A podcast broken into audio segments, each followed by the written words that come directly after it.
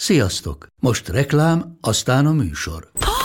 Hú, de szép szőnyeg. Új. Igen, tegnap vettem a Diégóban. Ó, és ez a függöny, de szép. Diégó! És hamarosan lesz új laminált padló a hálóban. Rátszokott a bank. Csak regisztráltam Diégó digitális klubkártyát vásárlás előtt. Csináljunk neked is egyet? Csak egy perc és kész. Regisztrálj te is áruházainkban, vagy a diego.hu oldalon, és azonnal megkapod digitális klubkártyádat, melyel akár 30% kedvezménnyel vásárolhatsz padlóburkolati és lakástextil termékeket. Diego.hu Már meg is kaptam e-mailben. Ez reklám volt, jó volt.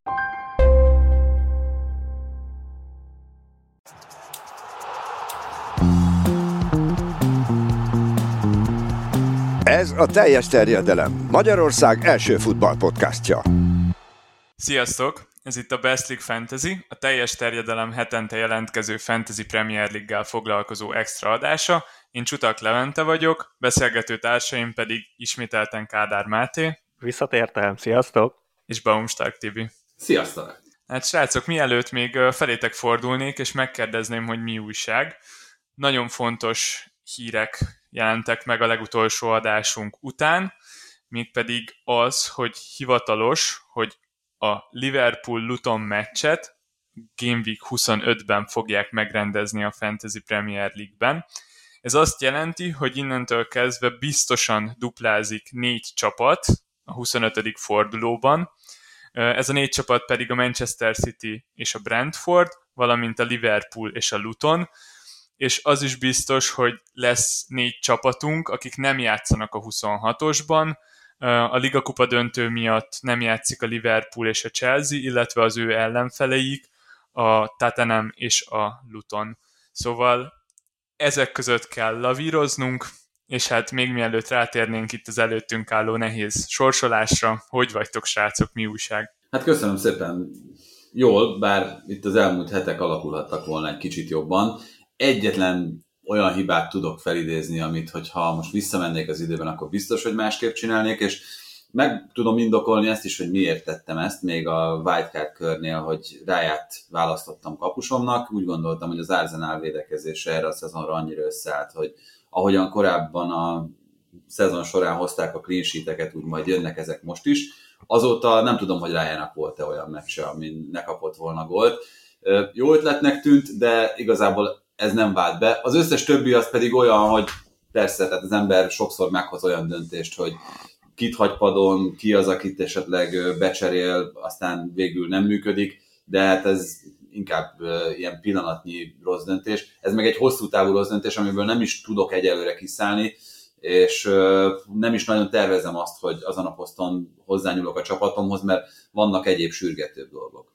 Hát figyelj, az nyugtasson Tibi, hogy azért itt a nagy átlag nem túl jó kapusokkal megy most jelen pillanatban. Ez a Dubravka Areola kettős.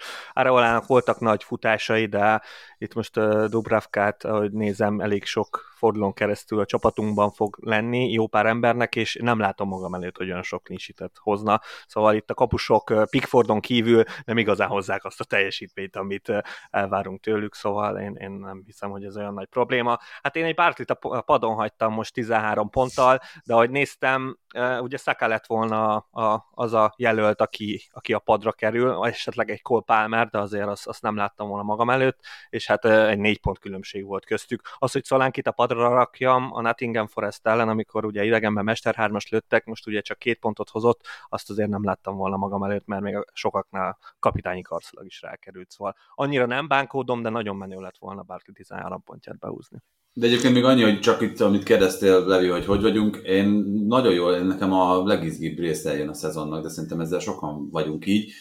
Innentől kezdve kell szerintem nagyon okosan gondolkozni, úgy sakkozni, hogy már előre akár két-három fordulóra gondolkozni, és én ezt imádom. Tehát, hogy ez a része szerintem a legjobb a fantasy játéknak, úgyhogy ha valaki esetleg azon gondolkozik, hogy itt az elmúlt hetekben valami rosszul sikerült, és hú, most akkor kiszállok, hát eszébe ne jusson, mert most jön a legjobb időszak óriásikat lehet fordítani egyébként ilyenkor. Tényleg a dupla fordulók azok mindig remek lehetőségek, és az is nagyon sokat tud számítani, hogy ki hogyan vészeli át a lyukas fordulókat, mert igazán meg tudják nehezíteni azért ezek a menedzsereknek a dolgát.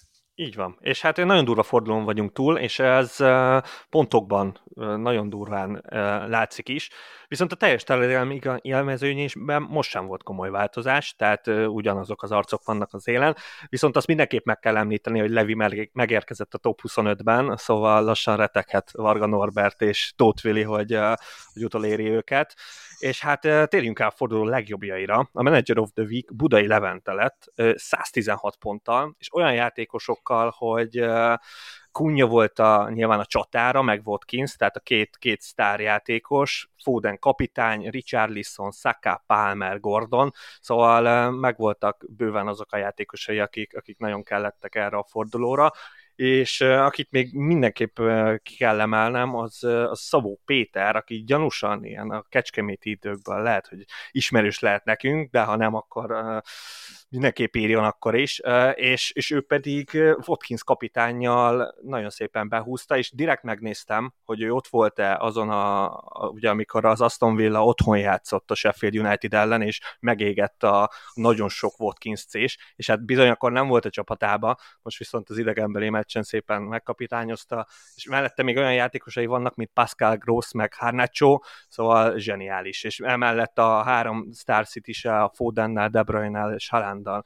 ugyanúgy ott van, szóval még akár bánkótat is, hogy a, a két nagyon drága is csak 5 ponttal végzett, szóval nagyon durva fordulókkal végeztek itt a srácok. Tehát menjünk tovább egy olyan témával, amit szerintem sok, játék, sok, sok játékost foglalkoztat, és a Tibi is ezek közé tartozik, mert hát készültél nekünk egy ilyen nagyon speciális kérdéssel. Hát itt arra gondoltam, ami szerintem pont emiatt érdekes, hogy ö, sokszor úgy kell állítani csapatot, amikor van, aki duplázik, van, aki esetleg kimarad egy-egy fordulóban, majd erről is ugye mindjárt azért beszélünk, hogy mennyire érdemes követni a trendeket, és mondjuk ugyanazokkal a játékosokkal játszani, vagy esetleg nagyjából figyelni azt a kapitányválasztást, ami a legnyilvánvalóbb az adott fordulóban, vagy eltérni a mintától, és azt mondani, hogy akár itt a megérzésekre hagyatkozva azt mondom, hogy én itt látom azt, hogy ezen a meccsen mondjuk ez a védő, ez a kapus, ez a középpályás, ez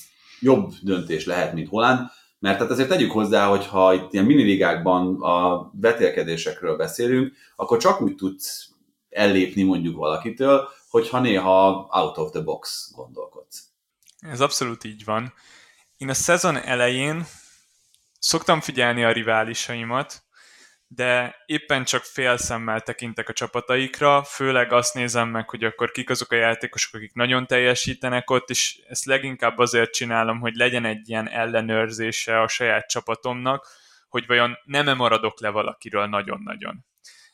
Volt egy szezon még nagyjából három évvel ezelőtt, amikor Gündogánnak volt egy elképesztően forró időszaka, így december-január környékén, és ott bizony Mátéval mind a ketten egy kicsit elvesztettük a fonalat, és lemaradtunk a valósággal szemben.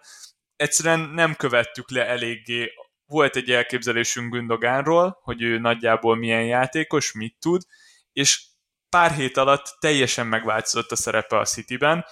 Na pont ezért szoktam odafigyelni a többi csapatra, és, és folyamatosan ellenőrzöm a sajátomat, hogy, hogy vajon megtörténik-e valami hasonló. Viszont még versenytársakkal szembeni taktikázás szerintem korai, szóval abszolút nem lépnék még olyanokat, hogy valaki csak azért nem hozok be, mert bent van egy olyan menedzsernél, aki előttem van, vagy ennek az ellenkezőjét meglépni, hogy valaki csak azért hozok be, mert akkor valaki újat tudok bedobni. Ezek szerintem valid taktikák, de én ezt a leges legvégére szoktam hagyni, addig pedig próbálok csak a saját csapatomra fókuszálni, és azokat a játékosokat behozni, akiket tényleg jónak gondolok. Hát így beszél a Levi, én meg, aki tudom, hogy a Levivel nagyon érdemes tartani a tempót, így én meghúzom azokat a cseréket, amiket ő is meghúzna. Nem feltétlen így van, de hát látszik, hogy most nyilván Foden nem volt benne a csapatomban, és tudjuk, hogy mi lett a végeredmény, és, és igen, szóval nyilván itt mindig van egy olyan dolog, hogy, hogy alapvetően mindenki a miniligájában akar nagyon jól szerepelni, meg mindig van egy játékos, vagy, vagy valaki, akivel játszik, akit mindenképpen meg akar előzni, és, és valahol szerintem az mindig az kerül a fő fókuszba, és nyilván emellett figyeli az ember, hogy, hogy így összességében hogy halad, de, de szerintem ez, ez a fő irány, és hát igen, nálam például ez mindenképpen így van, és kicsit most úgy, hogy nem volt rossz fordulóm, tehát bőven hoztam ezt az átlagot a 72 ponttal, viszont, viszont így, hogy lemaradtam kicsit levitel, ez, ez nagyon mélyen szíven ütött, és össze kell most kaparni kicsit ezen a héten. Úgyhogy szerintem érdemes rá odafigyelni, de, de hogyha itt nagyon egybe van a mezőny, akkor, akkor még most itt tényleg nagyon sok idő van hátra. Van egy számomra nagyon kedves elmélet így az FPL-en belül, ami két csoportra bontja a játékosokat, vannak kardjátékosok, meg vannak pajzsjátékosok. Haaland például jelenlegi formájában egy pajzsjátékos, mert minden csapatban ott van, szóval, hogyha berakjuk a saját csapatunkba, akkor igazából védekezni tudunk vele, és azt tudjuk elérni, hogy ne ártsanak Haaland pontjai nekünk, igazából nagy előnyünk nem fog származni. Ha Haaland lő egy Mester 3-ast, akkor azt a Mester 3-ast meglövi a menedzserek 95%-ának. És vannak kardjátékosok, például Darwin Nunez nincs ott minden csapatban, és ő pont ezért nagyon fontos szerepet tölt be a csapatunkba, mert az ilyen játékosokkal tudunk igazi előnyt kovácsolni, és velük tudjuk támadni a miniligás, vagy az összegészében overall ellenfeleinket. Hát igen, csak Nunez nem éppen az a játékos, akit úgy nagyon szeretünk kardjátékos. Nem minden kard ugyanolyan éles. Hát nem minden kard ugyanolyan éles, de hát figyelj, majd itt lesz a Liverpool dupla, és hát ha már a Liverpool dupla szóba jött, akkor mindenképpen kíváncsiak vagyunk, Tibi, hogy hogy, hogy gondolod átviszelni ezt az igencsak nehéz Game Week 25, Game Week 26-os váltást, ahol, amit már említett a Levi, hogy itt például a Liverpool duplázik a 25-ösben, de nem játszik a 26-osban, szóval a 25-ösben minél többet szeretnénk belőlük, a 26-osban lényegében egyet sem, szóval te ezt így mire jutottál ebben a, ebben a tervezésben? Hát próbáltam taktikázni, ugye most kettő cserén maradt, és azon gondolkoztam, hogy ha nagyon szükséges, akkor mínusz négyet is föl fogok használni itt ebben a fordulóban, de végül most egyelőre még mindig vacilálok azon, hogy ezt megtegyem-e. A ami az alaptaktikámat illeti, három olyan alappillér van, amire próbálok figyelni. Egyrészt arra, hogy itt a Manchester City az, amelyik ugye szintén duplázni fog, és utána a következő fordulóban is ott lesz, tehát három Manchester City játékost akarok betenni. Volker Holland a kettő fix, és a harmadikon még nagyon-nagyon erősen gondolkozom, hogy, hogy Fodent próbálja meglőni, vagy, vagy esetleg valami más, esetleg valami kardjátékosra voksoljak itt ebben. És a Liverpoolnál meg arra jutottam, hogy, hogy ott kettőben gondolkodom, alapvetően két Liverpool játékosban, bármennyire is ott van ez a dupla hét, vagy a 25-ös forduló, és úgy csináltam meg a csapatomat, és szerintem ez a, a másik olyan pillér, ami, ami lényeges, hogy ha kell, akkor ö, ott, ott is ugye jövő héten egy cserém lesz, hogyha itt ez a hét nem megy, de hogyha kell, akkor be tudom hozni két cserével Salahot. Ugye 17-től már, ha hihetünk a híreknek, akkor elképzelhető, hogy ott lesz. Ő megéri a mínusz négyet szerintem. Fájni fog, mert akkor valószínűleg Richard viszont kell kivennem a csapatból, de nagyjából ezt is úgy átszámoltam, hogy hogyan lehet úgy ezt alakítani, hogy, hogy jó legyen. Richardson kivétele meg azért nem lesz annyira nagy probléma, mert a következő fordulóban ugye nem játszik a Tottenham. És ott egy fordulót azért kibírok a brazil nélkül. Úgyhogy ezek azok, amik lényegesek, hogyha két játékosról beszélünk a Liverpool esetében, akkor nekem ö, prémiumra ott nem nagyon lesz pénzem a többi választás miatt, úgyhogy én egy Fandeik sotában gondolkodom. Alexander Arnold biztos, hogy nem fog beleférni hátulra, és hát az a... Konatét ugye most... Most ugye eltiltották, de a 25-ösre papíron visszatér. Én nagyon gondolkoztam benne, értem a rizikófaktorát, de tudtom a Matip nem nagyon van, értem, hogy ott a fiatalok esetleg képbe jöhetnek, de, de szerintem ha bevethető Konaté, akkor, akkor én Ő sem rossz, rá. nyilván Robertson is azért ahhoz képest elég drága, hogy még nem tudjuk, hogy mikor lesz olyan állapotban, hogy 90 percet játszon, tehát ott esetleg nem hülyeségvédőkben gondolkozni. A középpályán azért nagyon nehéz megmondani, hogy hogyan fog rotálni majd Jürgen Klopp, tehát valószínűleg Jones játszik, de hát most erre appellálni, ott a dupla fordulóban azért szerintem nehéz. Szerintem ott lehet, hogy megint teljes sorcsere lesz. Talán McAllister lesz az egyetlen, meg nem nagyon hoz pontokat. Úgyhogy így, így gondoltam én végig, és még egy, vagy kettő dolog van szerintem, ami lényeges, és amit nem baj, hogyha figyelembe vesz az ember. Az egyik, hogy hosszú távon itt a Newcastle-nek elég jó sorsolása van, tehát azt azért fontos szem előtt tartani, és hát ugye három csatár pozíció van, és azok ott eléggé foglaltnak tűnnek itt, hogyha az ember, és akkor itt most maradok ennél a pajzsjátékosnál, de pajzsjátékosokat alkalmaz, mert ott Holland, Watkins és Solanki azért kibéreli ezt a három helyet, nálam is, és abban gondolkodom, hogy érdemes -e esetleg Tónit behozni Solanki helyére, mert uh, ugye ott is van egy Brentford dupla, hát viszont úgy, hogy ott a Liverpool és a City ellen játszik majd a Brentford, de hogyha mondjuk sok gólt rúgnak ellenük, akkor ez Tony pontjaiban nem fog számítani, hogyha már az egyik meccsen betalál, akkor meg, akkor meg lehet, hogy megéri, de Szalánki is hozhatja egyébként gólokat. Hogyha sorsolást nézzük, akkor a, a Manchester City és a Brentford mindenképpen előnyös abból a szempontból, hogy ők játszanak a 26-osban. Szóval nem kell utána azon gondolkozni, hogy hogyan vészeljük át játékosok nélkül azt a fordulót, és pont ezért érzem azt egyébként, hogy Foden igazából ezen a távon még akár vetekedni is tud Szalával. Szalá ettől függetlenül nyilván csábító, mert nagyon ritka az, hogy ő kardjátékos tud lenni ebben a játékban, ugyanis az esetek nagy többségében ott van minden menedzsernél, nagyon nehéz őt kihagyni, mert nagyon jól szokott teljesíteni mindig.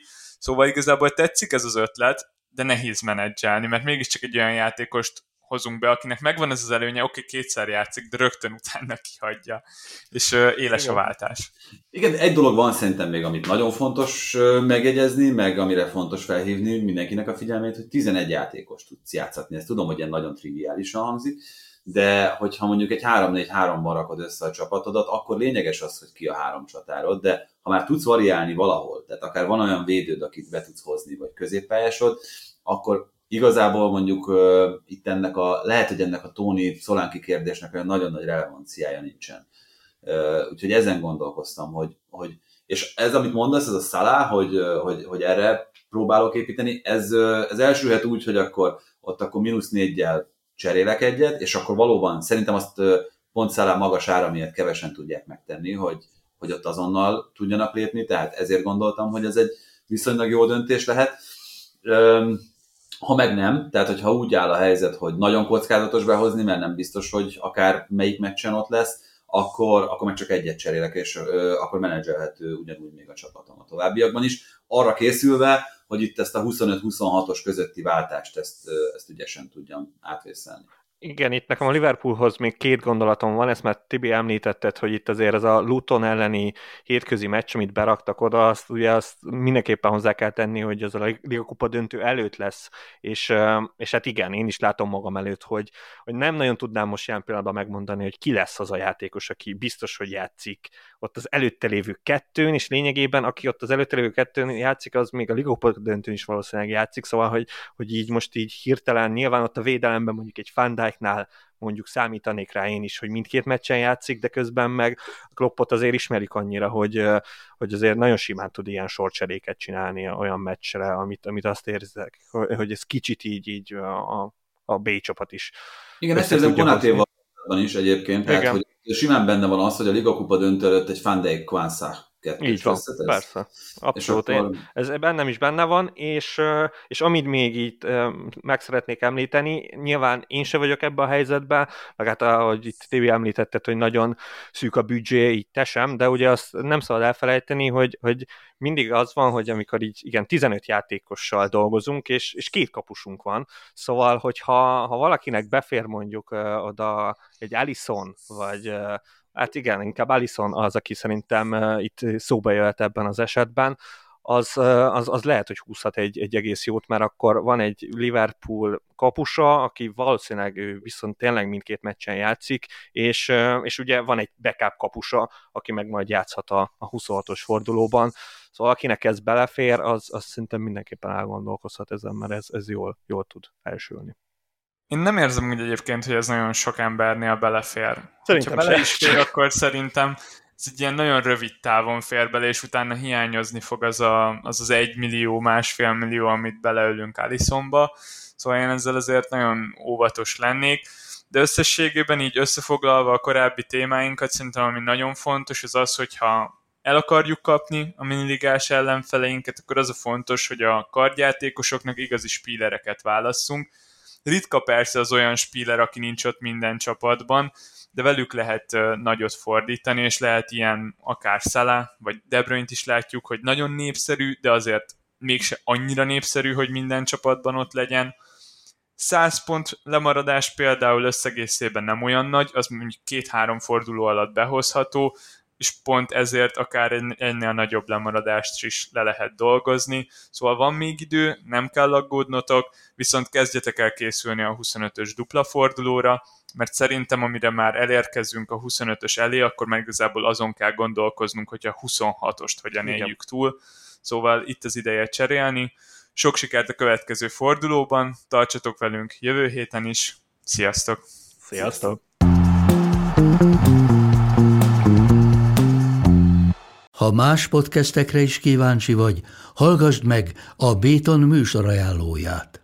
El tudod képzelni, hogy a podcastet, amit éppen most hallgattál, fél év múlva már a mesterséges intelligencia generálja? Mi sem. De ha érdekel, eljötte már a gépek lázadása. Hallgass bele az Embertelen podcastbe. Orsós Lajos vagyok, a műsor házigazdája. Egyelőre még élőben. Egyelőre. Fedezzük fel együtt, hogyan ismerkedik, randizik, mesél és vitatkozik Betty és Péter, két teljesen mesterséges intelligencia. Lajos, a podcast címét mond még egyszer, Léci. Oké. Okay. Embertelen podcast.